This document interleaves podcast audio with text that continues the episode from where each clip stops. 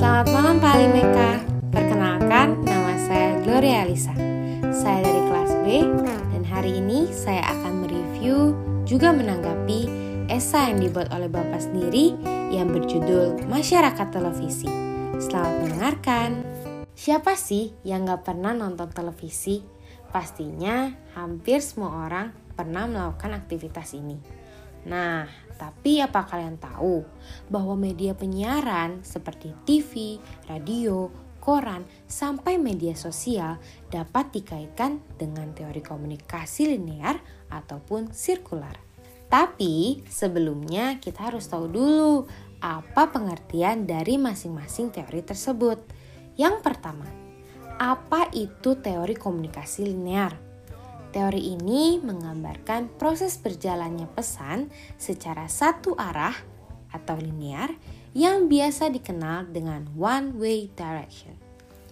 Dalam dunia penyiaran, televisi menjadi media yang paling diminati masyarakat. Salah satu alasannya dapat dilihat dari citra fotografi.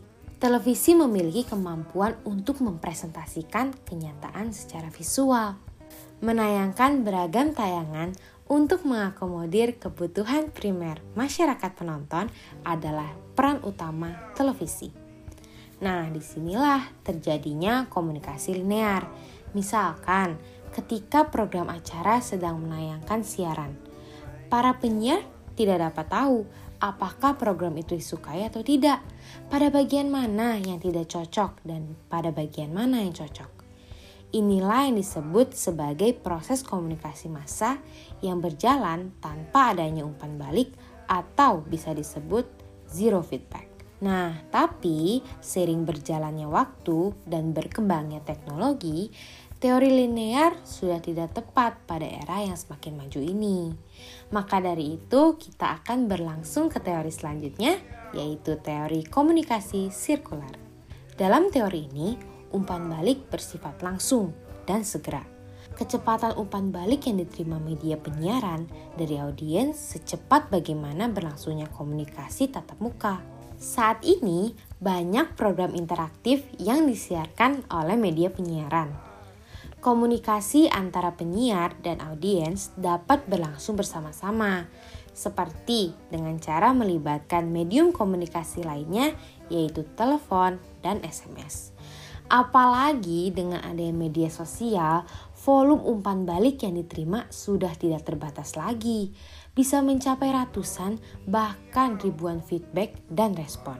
Lalu, masalah apa sih yang sedang kita alami berkaitan dengan kedua teori komunikasi ini?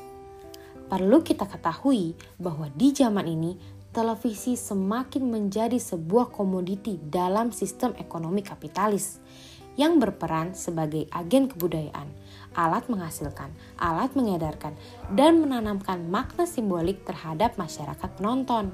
Hal tersebut menempatkan masyarakat penonton sebagai objek dari televisi. Bagaimana penonton diarahkan pada pemaknaan tertentu dengan tujuan untuk terus melanggengkan proses produksi dan konsumsi industri kapital masyarakat penonton tidak lagi memiliki kuasa atas dirinya sendiri, melainkan masyarakatlah yang dikuasai dan dibentuk oleh televisi. Seharusnya semakin berkembangnya zaman, komunikasi semakin bersifat sirkular, bukan bersifat linear setiap penonton seharusnya mempunyai hak untuk memberikan feedback kepada media penyiaran, bukan hanya dijadikan sebagai objek yang hanya diarahkan, digiring, dan dikendalikan oleh berbagai tayangan televisi. Jadi, sebagai masyarakat penonton, mari kita memposisikan diri kita sebagai seorang reader. Mari kita lebih aktif, lebih kritis, dan dapat menangkap kode-kode tersirat dalam televisi dari berbagai tafsiran yang nantinya harus kita sikapi dengan kemandirian berpikir dan sikap yang berkarakter. Akhir kata, sama seperti apa yang dituliskan oleh Pak Ali Mekah dalam esai Masyarakat Televisi, keputusan ada di tangan kita. Di manakah kita mau diposisikan saat ini? Apakah penonton biasa ataukah sebagai leader. Baik, mungkin segitu saja yang bisa saya sampaikan. Terima kasih sudah mendengarkan. Selamat malam.